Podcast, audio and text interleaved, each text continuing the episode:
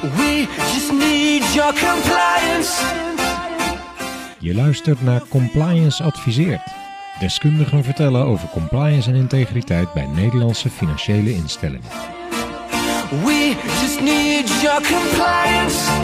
In onze podcast van vandaag is de gast Claudia Seistermans. Ze was werkzaam bij PwC, EY en Capgemini. Ze vervulde een senior compliance rol bij ASML. Ze werkte zelfstandig als compliance professional en werkt sinds anderhalf jaar bij AxoNobel als Director Anti-Bribery Anti-Corruption, Policies en Training. Daarnaast is ze editorial board member bij het tijdschrift voor compliance, een ervaren compliance professional dus. We bespreken met haar hoe ze aankijkt tegen haar compliance werk en met name hoe ze corruptie te lijf gaat. Welkom Claudia, fijn dat je een bijdrage kunt leveren aan deze podcast. Ja, bedankt voor de eh, uitnodiging. Als iemand op een feestje vraagt wat je momenteel doet, eh, wat zeg je dan? Ehm, ik zeg wel altijd compliance officer. Ik heb ook wel van mensen gehoord dat ze zeggen van... eh, ik zeg wel dat ik jurist ben of zo, want heel veel mensen weten niet wat het betekent. Maar ik leg het meestal uit als van... ik kijk naar wet en regelgeving voor het bedrijf... en dan probeer ik dat praktisch te maken. En dan zijn de meeste mensen alweer weg bij je, denk ik. Ja, Compliance. Of moet je... ze, ze denken wel altijd van... oh ja, dat, dat zal wel saai zijn of zo. Dat- Ja? ja, die reputatie hebben we wel. En hoe hou je het spannend? Eh, nou ja, anekdotes vertellen over eh, ja, wat ik in mijn dagelijkse werk doe... en eh, waar ik overal tegenaan loop en... eh, Hm. Ja. Ja, ja, oké. We gaan daar straks nog even ietsje Ja, ja. verder op in. Maar ehm, welke eigenschappen of ervaringen maken jou geschikt voor het compliance vak, zeg jij zelf? Ehm, ja, ik ben eigenlijk begonnen in, eh, in het fiscaal recht. Eh, dus ik heb eh fiscaal recht gestudeerd in Maastricht. En daarna bij, bij Big Four gewerkt. En ik ben eigenlijk langzaam het compliance vak ingerold. Dus eerst echt ja, advisering alleen in fiscale zin. Maar na de rand overstap gemaakt bij Capgemini naar ONA Business Analysis. Eh, met name toen ben ik allerlei dingen gaan toevoegen aan mijn, eh, aan mijn kennis en kunde en ervaring. eh, die wel handig zijn als je compliance officer bent. Zoals? Zoals bijvoorbeeld ehm, eh, business process design. Eh, ehm, eh, nu heb ik laatst voor de design thinking gedaan. Risico eh, frameworks, hoe kun je die maken? Interne auditopleiding. Hmm. Dus ik ben gewoon heel breed van ook change management heb je ook altijd nodig. Want mensen Ja. moeten hun gedrag gaan veranderen. Heel interessant. Ehm, en dat vind ik eigenlijk ook wel leuk aan het compliance vak, dat je heel veel van die elementen hebt. En dat je daar eh, ja, weer kan combineren, nieuwe methodes. En het gaat ook eigenlijk over het gedrag van mensen. Hoor ik dus het je- goed dat je nu eigenlijk vooral op het spoor zit van de opleidingen die je hebt gevolgd? Maar wat ik eigenlijk ook bedoel zijn misschien wel bepaalde karaktereigenschappen of, of vaardigheden die je ook moet hebben als compliance professional. Is daar ook nog iets over te vertellen? Ja, wat dat betreft, betreft heb ik wel een eh, afwijkend profiel. We hebben laatst weer zo'n testje moeten doen over wat voor een profiel je hebt. En eh, bij mijn motto kwam eruit, help, eh, let me, help me help you.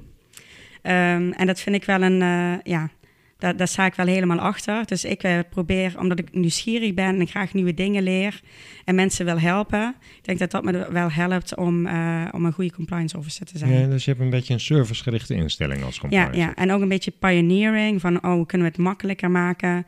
Dus ook, ehm, ja, er is zo'n andere test die ik gedaan heb. Het ging dan meer over een S-curve en waar je daarin zat. En dan zie je vaker dat eh, de compliance mensen, die wat meer... eh, ja, wat meer van de regels, eh, iets, iets eh, conservatiever. Soms dan, dan is dat voor mij ook wel een nadeel, want ja, dan, dan denken zij van, oh, zij komt er weer met een gestrekt been in. Eh, of ik heb dan wel allemaal, eh, allemaal nieuwe ideeën over hoe we het ook kunnen doen. Ehm, maar ik denk dat die combinatie ook wel goed is. Om er af en toe een beetje ehm, niet de gebaande paden. Hè, en het eh, gewoon steeds verder implementeren. En dan, dan kan het ook wat, bureaucratisch gaan worden. Dat je dan af en toe ook iemand in het team hebt die zegt van... hé, hey, maar ik heb laatst nog ergens een cursus gedaan. Of zullen we het zo aanpakken? Ja, ja dus, Dus, eh, ook een ja. beetje out of the box denken Ja. bij eh, het eh, behandelen van uitdagingen, zo Ja, zeggen. ja, ja. Ja, want nu we het daar zo over hebben, zit ik te denken. Volgens mij is het ook soms heel belangrijk, juist om heel sterk een vuist te kunnen maken in het bestuur of weet ik veel. Of, want hier moet echt iets veranderen. Of een rapport met overtuiging kunnen brengen. Hier is een risico, daar moet je echt wat mee doen. Dat is misschien ook weer een andere eigenschap. Het hangt misschien ook een beetje af van in welke situatie het bedrijf zit. Om Ja. te kijken welke, welke vaardigheid moet ik inzetten of niet. Ja, je moet het toch vaak eh, verkopen in de business compliance. Ook afhankelijk waar je in de organisatie zit. Maar je moet concurreren met andere risico's die, die meteen operationele gevolgen hebben. Zeker eh, waar ik werk, industriële ondernemingen. Daar kun je niet meteen aantonen van oké, als, we, als we nu dit niet implementeren of dit niet gaan doen, dan heeft het direct zoveel financiële gevolgen. Of uh, ja, je kan wel zeggen, kunnen mensen in de gevangenis komen, maar dan denken mensen ook wel van ja. Dus je, je moet wel echt een goede business case kunnen maken en je moet het ook wel kunnen verkopen. Dus dat zijn ook wel kwaliteiten die je wel echt nodig hebt. Ja. Uh, om echt met, die, uh, met de stakeholders um, dat ook goed in de smiezen te hebben en te kijken wat, waar lopen zij tegenaan. En dan samen echt uh, proberen de problemen op te lossen. Dus um, ja, maar dat vind ik dan ook weer een leuke uitdaging. Dat je een spin in het web bent en met heel veel afdelingen moet samenwerken. Uh, want heel vaak hebben ze het idee van, oh, er komen die mensen van compliance, uh, de politie. Mm -hmm. En als je dan toch een beetje redelijk in de, in de wedstrijd zit, kunnen ze wel appreciëren. En als je dan samen een probleem oplost, ja, dan kun je wel goede, goede ja, resultaten behalen. Daar komt maar. wel weer dat servicegerichte, dat je Ja, dan dat samen ook doet. Ja, oké. Ja. Want wat met jouw kennis ben je vaak in staat om een probleem wat, waar zij mee zitten, of, of realiseren ze zich dan nog niet eens dat ze een probleem hebben, dat ze een bepaald integriteitsrisico moeten mitigeren? Ja, ja, dus ja, ze zijn vaak onbewust onbekwaam. Ja. Uh, maar dan helpt het wel als je op. Uh, ik heb bijvoorbeeld in de, op de supply chain uh, afdeling gewerkt. Is er een hele andere dynamiek als dat je onder, onder finance valt. Ja, ik ben dan zelf ook geïnteresseerd in techniek. Dus laatst heb ik dan een cursus Power Automate gedaan, bijvoorbeeld. Maar dan kun je toch een beetje in die taal proberen te praten. En dan probeer ik ook aan te sluiten bij de methodes die, uh, die zij gebruiken. Dus heb je bijvoorbeeld lean. Hmm. Nou ja, dan probeer ik weer, want dat, dat, gebruiken ze dan weer in de fabriek. En dan probeer ik dat dan op die uh, methode en dan mensen mee te krijgen, zodat ze ook dingen herkennen. Hmm. En want dat is ook wel heel belangrijk. Want vaak hebben ze zoiets van, ja, compliance, dat, ja, wat heeft dat met mij te maken eigenlijk? Ja, ja, ja. Nou, ja. ja. Nou, het is belangrijk, denk ik, om ook inderdaad uit te kunnen leggen waar het dan compliance raakt. Inderdaad, en, en, bij dat soort banen ook. Ja. Nou begreep ik dat jij ook in de redactie van Tijdschrift voor Compliance werkt. Hoe ben je daar zo terecht gekomen? Uh, ik ben daarvoor gevraagd door iemand in mijn netwerk uh, die ook in de redactie zat. En uh, ik had zelf al een artikel ervoor geschreven, Compliance in the Boardroom van industriële ondernemingen. Um, en het, ik vind het een goed tijdschrift, hoge kwaliteit. Dus ik dacht van nou, daar wil ik wel ook mijn medewerking aan, ver aan verlenen. Dus, ja. Hoe lang doe je dat nou? Uh, ik doe het pas sinds, sinds juni hoor, dus dat is oh. nog niet zo heel lang. -hmm. Ik ben nu bezig met twee, twee nummers. Eentje voor um, leadership en integrity en de andere voor fiscale, fiscale integriteit. Oké, okay. oh wel twee Dus, dingen die ook wel ja. bij jou passen Ja, meteen. Ja, ja. ja. Ja, want uh, je, ik begreep dat je ook wat uh, achtergrond hebt in tax en uh, integrity. Nou kun je compliance vak, dat kun je benaderen vanuit heel erg juridisch gezien. Van doen we alles volgens wet en regelgeving. Je kan het ook heel erg vanuit het gedrag en cultuur benaderen. Wat is jouw belangrijkste invalshoek of combineer je ze? Ik vind dat met name de wat, wat ouder, ouderwetsere compliance officers of ja, dat zie je nog wel vaak bij juridische afdelingen. Dan noemen ook heel veel mensen zich uh, automatisch ook compliance officer. Mm -hmm. Dat zijn wel echt twee verschillende, heel verschillende dingen. Ik ben ook uh, dan director voor policies. Dus uh, ik heb dan bijvoorbeeld ook de, de policy portal heb ik, heb ik opnieuw ingericht. En mensen komen dan ook naar mij. Ja, Claudia, die policy portal. Laat zei iemand tegen mij, Claudia... Als ik nu een paperclip moet oppakken met mijn rechterhand, want dat staat in een van die documenten op je policy portal, ja. en ik doe dat dan met mijn linkerhand, heb ik dan een probleem. En ik, uh, ja, ik zeg van nou... Die zullen we er dan af moeten hakken. of, oh, dat was niet het antwoord. Nee, wat, sorry, wat wil je zeggen? Nee, kijk, uh, ik zeg van nou ja, ik weet natuurlijk ook wel dat niemand die policies leest. En toen keek hij me aan van ja, um, hoe kun jij dat nu zeggen? Je bent een director policy. Ja. Ik zeg ja, het gaat zich er niet om dat die policies die zijn de basis. En we moeten met z'n allen regels maken van waar we ons aan gaan houden. En op basis daarvan ga ik uh, tools bouwen, bijvoorbeeld. En ga ik trainingen maken en daar ga ik, mensen, ga ik awareness creëren voor die dingen. Ik zeg maar, ik weet ook wel dat niemand die 160 documenten gaat lezen. En ik ben uh, zelfs een van de, uh, van de meest, most frequent visitors van de Policy Portal. Mhm. Zelf van die documenten die ik zelf gemaakt heb. Want je gaat toch altijd kijken van, hoe staat het er nou ook alweer precies, weet je wel. Dus um, Nee, ja, om even ja. over die... Ik wil gewoon dat als mensen paperclips moeten gaan oprapen... dat ze denken van, uh, joh, misschien kan ik even op de Policy Portal kijken... of daar nog iets over staat. Ja. En daar staat dan ook een persoon die kan vragen van, hoe moet ik dat nu doen? He- Heel even voor mijn zekerheid, want anders begrijp ik het misschien niet goed. Dit gaat echt over paperclip soms? of is dit Nou, er ik, gewoon vond het wel een een leuk, ik vond het wel een leuk voorbeeld. Het is echt gebeurd. Eh, ja, iemand heeft dat echt aan mij gevraagd. Oké, Ehm, wauw. Oké. Nou, wat ik, wat ik, er is ook wel een beweging gaande volgens mij in compliance dat steeds minder veel geschreven wordt. Ja. Minder en, en me- meer mensen meegenomen worden in de uitgaans, uitgangspunten en, en, en de gedachten erachter. Wat willen we nou eigenlijk bereiken? En hoe sta jij daar tegenover? Vaak heeft het ook iets met de volwassenheid van de organisatie te maken, denk ik, of niet? Ja, en ook weer met dat compliance 2.0. Ehm, want wij hebben dan eh, mensen in dienst die eh, zich ook bezighouden met, met legal excellence, met legal design. en ik dus ook met compliance design. En eh, we proberen dus compliance by design, proberen we dus eh, toe te passen. Nou, wat is dat? Hè? Je gaat eigenlijk, ik heb bijvoorbeeld een tool ontwikkeld voor het registreren van giften. In het verleden was het zo, mensen moeten dat sowieso registreren. Maar ja, je weet niet of ze de policy gelezen hebben. En in onze policy staat een maximumbedrag. Er staat dat je het niet, bij, eh, niet eh, mag geven aan een, eh, aan een government official. Ehm eh, daar staat dat het geen checks mogen zijn of waarde, waardepapieren. Maar stel je voor, mensen hebben dat, eh, dat nu niet, niet gelezen. Ze moeten ook ehm, toestemming vragen van een manager.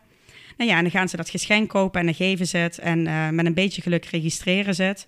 Ehm, maar ja, die, die, eh, die toestemming van de manager die zit ergens in een, in een eh, inbox. Daar hebben wij geen toegang toe. Hmm. En als ze geen toestemming gevraagd hebben, er is geen enkele check. Hmm. En voldoet en nu is die manager op de hoogte van de, van de regels. Dus wat we nu hebben gedaan is, we hebben een tool ontwikkeld.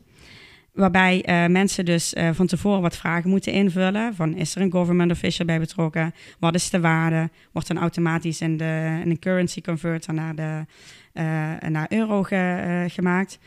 Ze kunnen een description geven van eh, wat is, het- waarvoor is het bedoeld. En uh, ter, werk- eh, ter gelegenheid waarvan eh, geef je dat, eh, Mhm, dat geschenk. Mhm. En dan als het minder is dan 20 euro, of als de manager het heeft goedgekeurd, dan krijgen ze een code en die moeten ze dan invullen als zij eh, de gift expense gaan reclaimen. Mhm. Dus als ze dan in het, eh, in het systeem komen en ze hebben geen toestemming gevraagd, dan hebben ze geen code en moeten ze alsnog terug naar die tool. Ah, En zo als ze- bouw je al in dat ze Ja. wel En als ze, niet, eh, ja. als ze niet voldoen aan de voorwaarden, wordt het automatisch afgewezen. Krijgen ze een mailtje. Het is afgewezen omdat het boven 100 euro is. Of omdat het eh, bij een government official is en het mag niet. Ah, Dus- goed, dus dat is compliance by design. Ja, dan hoef je eigenlijk al die regeltjes niet te lezen eerst. Ja. Hmm. maar een andere oplossing die vaak gekozen wordt is training. En daar ben jij toevallig ook eh director voor. ja. Van alle markten thuis. ja. En hoe pas je dat toe? Eh, ja, bij trainingen probeer je het natuurlijk zo, eh, ja, zo audience-specifiek mogelijk te maken. En ook rondom be- bepaalde gelegenheden, zoals bijvoorbeeld de festive season. Als mensen weer eh, relax- eh, relatiegeschenken gaan ja, geven. Ja, ja. Eh, dat je daar dan een, een microburst noemen ze dat dan. Hè? Dat is nu helemaal hip en happening. dat je dan ehm, eh, ja, kleine, kleine trainingjes geeft. Want ja, het is moeilijk om de aandacht vast te houden. Maar ik vind het moeilijk bij trainingen. Ehm, wij hebben een hele grote populatie wereldwijd. meer dan 35.000 werknemers. De helft daarvan, eh, dat is blue collar. Dus dat zijn mensen die op een fabriek werken. Die hebben geen toegang tot, eh, tot eh, internet. Soms hebben ze een kiosk, noemen ze dat, on-site. Waar mensen dan toegang hebben tot een... dus dan moet je alweer denken aan classroom training. ja. Ehm, dus ja, het, het is wel een hele uitdaging. Ik, ik sprak ook laatst met iemand die werkte bij een bedrijf... die maken zonnepanelen, geloof ik. En die zei ook van, ja, hoe bereik je die mensen nu? We doen dan maar gewoon een filmpje tijdens... ehm, De lunch. ja, oh ja, dat is ook nog zoiets. Van, eh, want dan, eh, dan zegt... ehm, je moet het ook nog vertalen. We vertalen het in 25 talen, als er Mhm. een code of conduct is. Mhm. Dus is- het is echt... Uitdaging zeg. Ja, het is Wow. echt een enorme uitdaging. En sommige mensen die zijn niet geletterd. Eh, Goh, dan moet je wel creatief zijn in hoe je dat allemaal doet. Ja. Ja. ja. Nu we het toch langzamerhand al over je rol bij eh Axo Nobel hebben. Wat zijn je verantwoordelijkheden en aandachtsgebieden precies? En, en is het dan ook een second line rol of hoe moet ik dat zien? mijn functie zegt het eigenlijk al een beetje. Mhm. Eh, de subject matter expertise is, eh, die ziet op anti-bribery, anti-corruption. Dus daar ontwikkel ik beleid voor. Daar maken we trainingen voor. En ehm, eh, ook die tooling waar ik naar refereerde voor gifts... ehm, eh, valt onder, de, onder die scope. Mhm. Dus eh, we hebben dan beleid op het gebied van het geven van, van geschenken, hospitality. ehm, fraudulent contracts. Dus die vaak worden gebruikt om een bribe te, ja, te verbloemen. Ja. En dan hebben we nog sponsorships en donations. Dat kan natuurlijk ook misbruikt worden. Facilitation payments, conflicts of interest. Ehm, ja, dat zijn er eh, nogal eh, wat. Customer reward programs. Dus voor al die dingen dan moeten we ja, beleid schrijven, training maken, eh, guidance documentation. Ja. En dat is een beetje vergelijkbaar met industriële onderneming. Eh, ja, ja. ja, want wat, wat is jouw definitie daarvan precies? Eh, eigenlijk bedrijven met een supply chain eh, die in de maakindustrie zitten. Dus niet in de dienstverlening en niet in de financiële dienstverlening. Maar echt eh, bedrijven eh, ja, zoals ook bijvoorbeeld een Shell of een DSM. Of, En maakt dat dan nog uit eh, hoe ze geografisch in de wereld staan? Of mag dat ook, eh, is dat ook gewoon puur alleen Nederland? ja, het maakt natuurlijk wel uit wat je, wa- waar je supply chain eh, ligt. Ja, voor je dat ook- risico's. ja, ja. ja.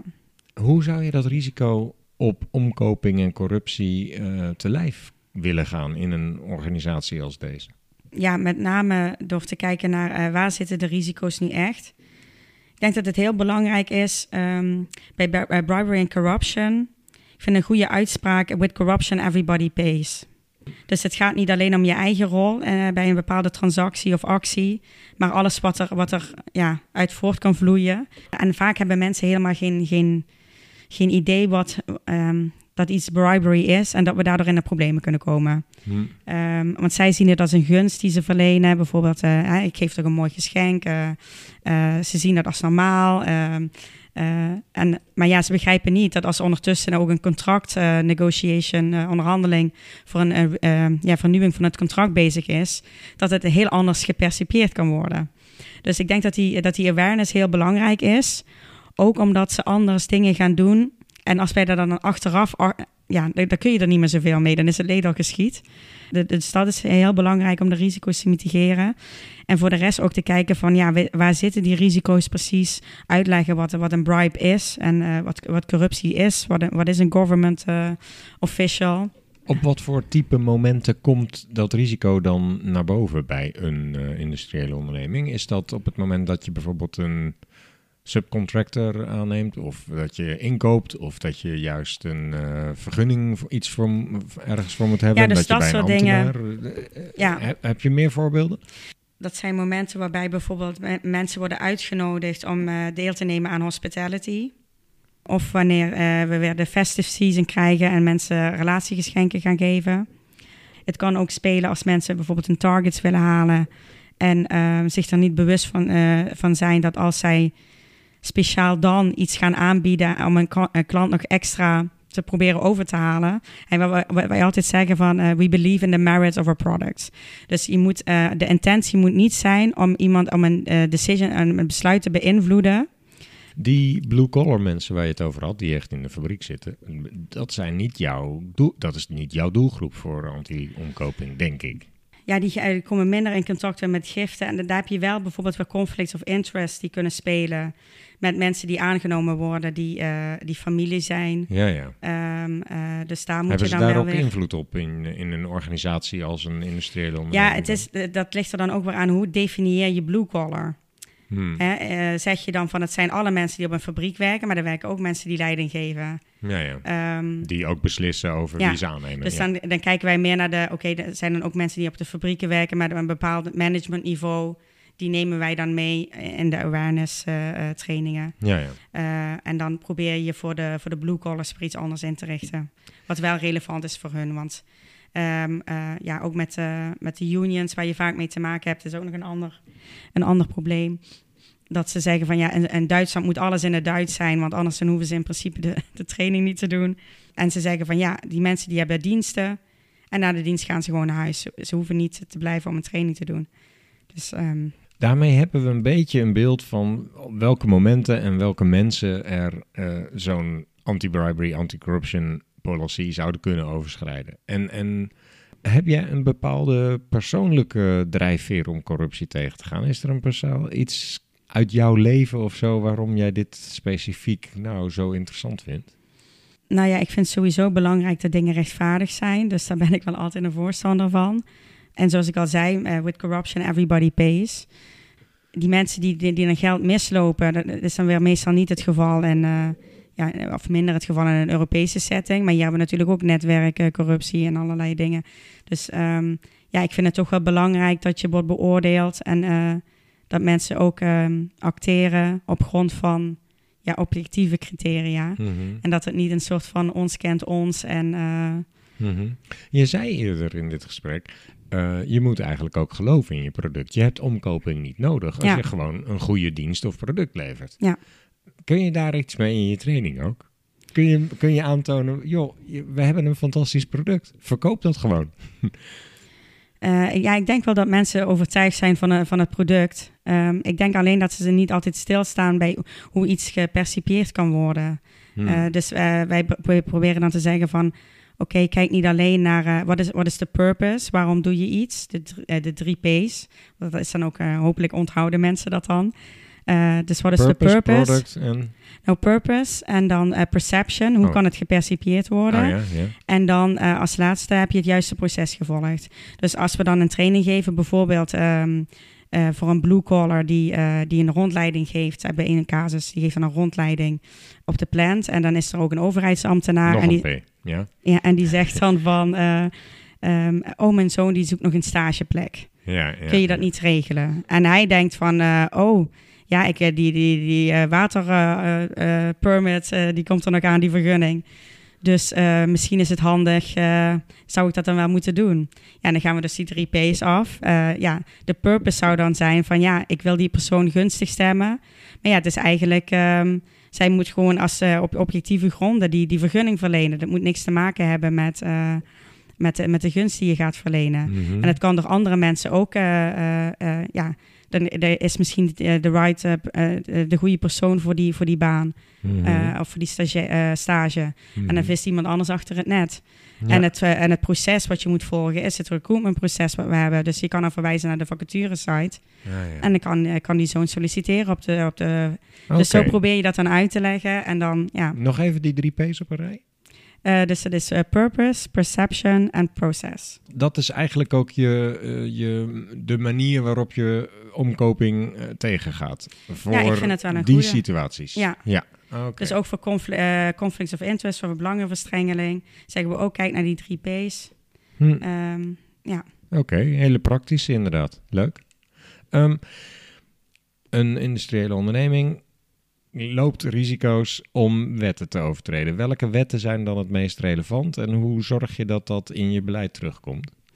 ja, wat ik zelf altijd toepas, is het, eh, ik neem gewoon de meest strenge standaard en dan probeer ik daaraan te voldoen. Eh, want vaak is er ook een hele grote overlap en ehm, ehm, Tussen wat? Tussen de verschillende eh, wetten. Uit je hebt de eh? FCPA, Mhm. Maar dan heb je de, de UK Bribery Act en die ziet ook wat meer op, op het private domein. Dus ook individuen die elkaar kunnen, kunnen omkopen. Dus het heeft een wat bredere scope. Ja, ja. Ehm, ja, en dan heb je nu, nu ook nog de verschillende landen die dan een eigen wetgeving hebben. Kijk, en ik kan natuurlijk als, als corporate kun je niet op alle dingen ja, anticiperen. Dus je probeert, ik probeer gewoon het me- meest strenge. En dan proberen we, eh, ja, probeer ik daaraan te voldoen. Die UK Bribery Act is ook oh, eh, voor andere landen geldig, toch? Ja, of ja. niet? Je kan ook al ben je helemaal niet in Engeland eh, actief, je loopt toch risico dat je in Engeland bestraft wordt voor iets wat je in, ik noem maar wat, China hebt gedaan, of niet? Ja, ja. En dat maakt het ook wel moeilijk. Want en dan, wat je dan ook nog daarnaast vaker ziet, is dat ehm, als landen eenmaal zien dat er iets aan de hand is en je hebt een presence of een linkje met, eh, met dat land, dat die dan ook nog eens een keer komen kijken. Dus dan krijg je boete op boete op boete. Ja, Ja, en dan kan het snel, eh, ja, kan Eh, het snel oplopen. ja, dus dat is wel ja, iets wat tricky is. ehm, Vind je dat die wetgeving dan voldoende houvast biedt om te bepalen of een industriële onderneming goed bezig is? Of zijn er aanvullende integriteitseisen die nog niet eens per se uit wetgeving volgen, maar die jij als eh, anti-bribery, anti-corruptie, eh, compliance officer toe zou willen voegen? Of, of zit hem dat meer op het procedureniveau? Want die ehm, drie P's waar je het over had, die komen denk ik niet uit de wet voort. Eh, Nee, dat is echt Dus zelf eh, dat heb ik vandaag nog dat gesprek ook gehad met, eh, met de stagiaire over de scope van zijn onderzoek. Ik zeg van ja, je kan het beste kijken naar de program requirements die dan, worden op, die dan bijvoorbeeld zijn opgenomen in de UK Bribery Act. Er zijn er, er zijn er zes componenten. En dan moet je dat eigenlijk voor, voor jezelf concreet gaan maken. En gaan kijken van oké, waar zitten dan, wat is mijn, mijn volwassenheidsniveau? Eh, bijvoorbeeld op het gebied van policies, op het gebied van training. En dat vind ik wel handig. en dat is ook een beetje hoe ik in het compliance vak gerold ben. eh, via via eh, horizontaal toezicht bij belastingen en, eh, en AEO. Dat is dan voor de douane. kun je een certificering krijgen, Authorized Economic Operator. En daar moet je een zelf-assessment doen. Dus het zou heel fijn zijn als ze in de toekomst ook eens het ESG gaan doen. Dat je zeg maar gecertificeerd kan worden op dat gebied. En dan krijg je een, een lijst met, eh, met, met risico's. En dan moet je jezelf gaan scoren van... Oké, is eh, tussen 0 en 4. 0 is als je helemaal niks in place hebt. Als je ad hoc moet reageren op, eh, op incidenten. En, en 4 is dan een score die je krijgt als je... Ja, als je dus eh, daarmee volwassen bent. Nee, Als je alles hebt geïmplementeerd. En de, dan kun je jezelf veel makkelijker monitoren. En dan kun je ook zeggen van oké, eh, hier moeten we nog een stapje omhoog. Dus dan ga ik daar, en dan is het risico ook hoog. Dus daar wil ik dan meer eh, ehm, eh, middelen op inzetten. Zo'n model gebruik je om vast te stellen ja, hoe en dat vond ik altijd heel handig voor, voor, voor AIO. Dus in de supply chain had je dan, want het gaat ook over in de hele keten. En met het ESG wil je ook meer kijken naar die keten. Dus niet alleen... ESG, haal je, wacht even hoor, dat is Environment Social Government. ja, ja, die dat is helemaal de nieuwe term. En, Ja, ja, eh, ja. ja, dat is niet nieuwe echt ding, in zeg wet, maar. maar ja. Ja, dus als ze daar dan wat eh, concreter in worden en dan, ehm, eh, ja, dat, dat zou ik al fijn vinden. En je ziet ook wel dat er een, in, eh, in landen zoals Frankrijk worden er wel guidance papers geschreven over hoe zo'n programma er dan uit moet zien. Eh, en ook dat het risk-based moet zijn. Maar ook daar vind ik het weer een tamelijk vage norm. Hè. Je, moet dan een, je mag niet zo'n eh, zo'n copy-paste eh, programma van iemand anders nemen. Je moet ook echt laten zien eigenlijk aan de autoriteiten van oké, ik, ik heb mijn risico's in beeld. En dit zijn de controlemaatregelen die Mhm. ik daarop heb ingesteld. Best begrijpelijk. Ja. Zo doet Frankrijk dat. Oké. Ja, dat is ook een, een, eis, een eis vanuit de, de ehm, eh, DOJ. Ja, de Amerikaanse, de, de Department of Justice. Ja, de Department of Justice. Dus dat je echt moet kijken van... ehm, het is niet zo van, oh, we hebben policies. We hebben, zo check the box. We hebben policies, we hebben een training. Maar nee, eh, waarom heb je specifiek die training? En heb je ook een, eh, een training specifiek voor die groep mensen? Dat moet je allemaal aantonen ook waarom je dat zegt. Eigenlijk wel. nou. Dat impliceert de manier waarop ze het verwoord hebben. Ja, ja. Maar in de praktijk, ja, je moet dan een risicoassessment doen. Nou ja, wat is een risicoassessment? Kun je ook nog hele discussies over voeren. Is dat gewoon een questionnaire die je uitstuurt? Maar mijn ervaring is, als ik risico-assessments doe, ik heb al van die workshops gedaan. Ja, je moet dan, gaat dan aan mensen in de business vragen, ja, hoe schat jij het eh, Mhm. impact en likelihood? Hè? Mhm, Hoe schat je dat in? Ja. Nou, dan moet je ten eerste al ehm, zeggen, wat, wat vinden wij een hoge impact? Want daar kunnen de meningen ook nog over eh, Mhm. verdeeld zijn. En dan hebben mensen nog een eigen agenda. Dus ja, je wil er eigenlijk, als het goed is, ook data aan kunnen toevoegen. Hè, bijvoorbeeld bij bribery eh, en corruption wil je weten van, zijn er veel public tenders? Als, als Hoe er meer er zijn, hoe ja, meer risico. Ja. ja, en dan ga je kijken naar de, eh, de Corruption Perception Index. Maar omdat dat dus niet, nog niet vanzelfsprekend is, dat zit nog meer in de ontwikkeling, Mhm. vind ik wel dat je daar, ja, het zou wel mooi zijn als je daar wat meer eh, eh, handvaten voor zou krijgen. Ja, maar zo gebruik je dus ook wat modellen om te scoren hoe goed je bezig Ja. bent. En je gebruikt een, eh, een- ja, in de financiële sector heet dat de SIRA, de systematische integriteitsrisicoanalyse, die ken je. ja, ja, die ken Oh, ik, Oké, ja. ja. En, eh, dat, maar dat, is dat iets wat een industriële onderneming dan ook eh, toepast zelf, de SIRA? Ehm, nee, wij passen die Sira passen we niet maar ik toe. denk dat die methodiek voor eh, ja, de methodiek is wel... eh, is heel eh, goed toepasbaar voor dit ook, denk ik. ja, ja, maar je moet het dan wel concreter maken, ook echt voor, Mhm. Die scenario's goed uitwerken. ja, ja. voor scenario's. ja. We komen eigenlijk al een beetje aan het einde van deze podcast. Ehm, maar ik hoorde je net ook over vertellen over hoe het in Frankrijk benaderd wordt. En dan vraag ik me af, hoe blijf jij op de hoogte van al die dingen die je moet weten voor je vak? En voor al die landen en al die wetten. En eh, ja, hoe blijf je op de hoogte? Nou, ten eerste kun je je inschrijven op allerlei nieuwsbrieven. Maar ja, ik heb eigenlijk niet zoveel tijd om die, eh, om die allemaal te lezen. Ja, verder krijg je nog vaak eh, van, van providers van, van software en zo. Je hebt je Navex, dat wordt vaak gebruikt voor de whistleblower om dat te, te managen.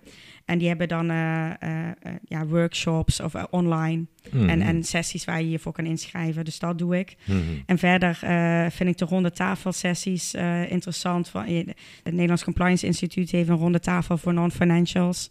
Ehm, dan heb je van Voxius, eh, dat is een, eh, een, een, zeg maar recruiter, een eh, executive, executive search, die dan ook voor non-financials een ronde tafel organiseren. En nu wil ik zelf eigenlijk nog bij de VCO, eh, de Vereniging voor Co- Compliance Officers, wil ik een, een kennistafel voor ehm, non-financials. Omdat wij toch wat vaak tegen wat, ja, wat iets andere risico's aanlopen. En ik, ja, die, die ronde tafels die zijn wel fijn, maar het gaat dan vaak over één onderwerp. Ik zou het fijn vinden als, dan, als je ook wat best practices kan uit, eh, uitwisselen. En misschien wat templates en, eh, of, of plannen van aanpak. Ja. Ehm, dus dat je het wat concreter maakt en meer een soort van toolbox of zo. Ja. Ja. dus dat lijkt me wel interessant. Ja, de VCO heeft ook een toolbox op het gebied van gedrag Ja, en cultuur. ja. Dus dan zou dit Ja. er eh, mooi bij. Ah, oké. Ja. Ja. Ja. Nou ja, voor alle non-financials die luisteren, luisteren jullie. We richten eigenlijk voornamelijk op financial eh, institutions. Maar het zou interessant kunnen zijn om ja, je dan te melden ook bij de VCO daarvoor. Ja, ja. Leuk. Hoe meet jij nou of je succesvol bent in je werk? Kun je daar iets over zeggen? Ja, hoe meen ik dat? Ik ben zelf heel resultaatgericht.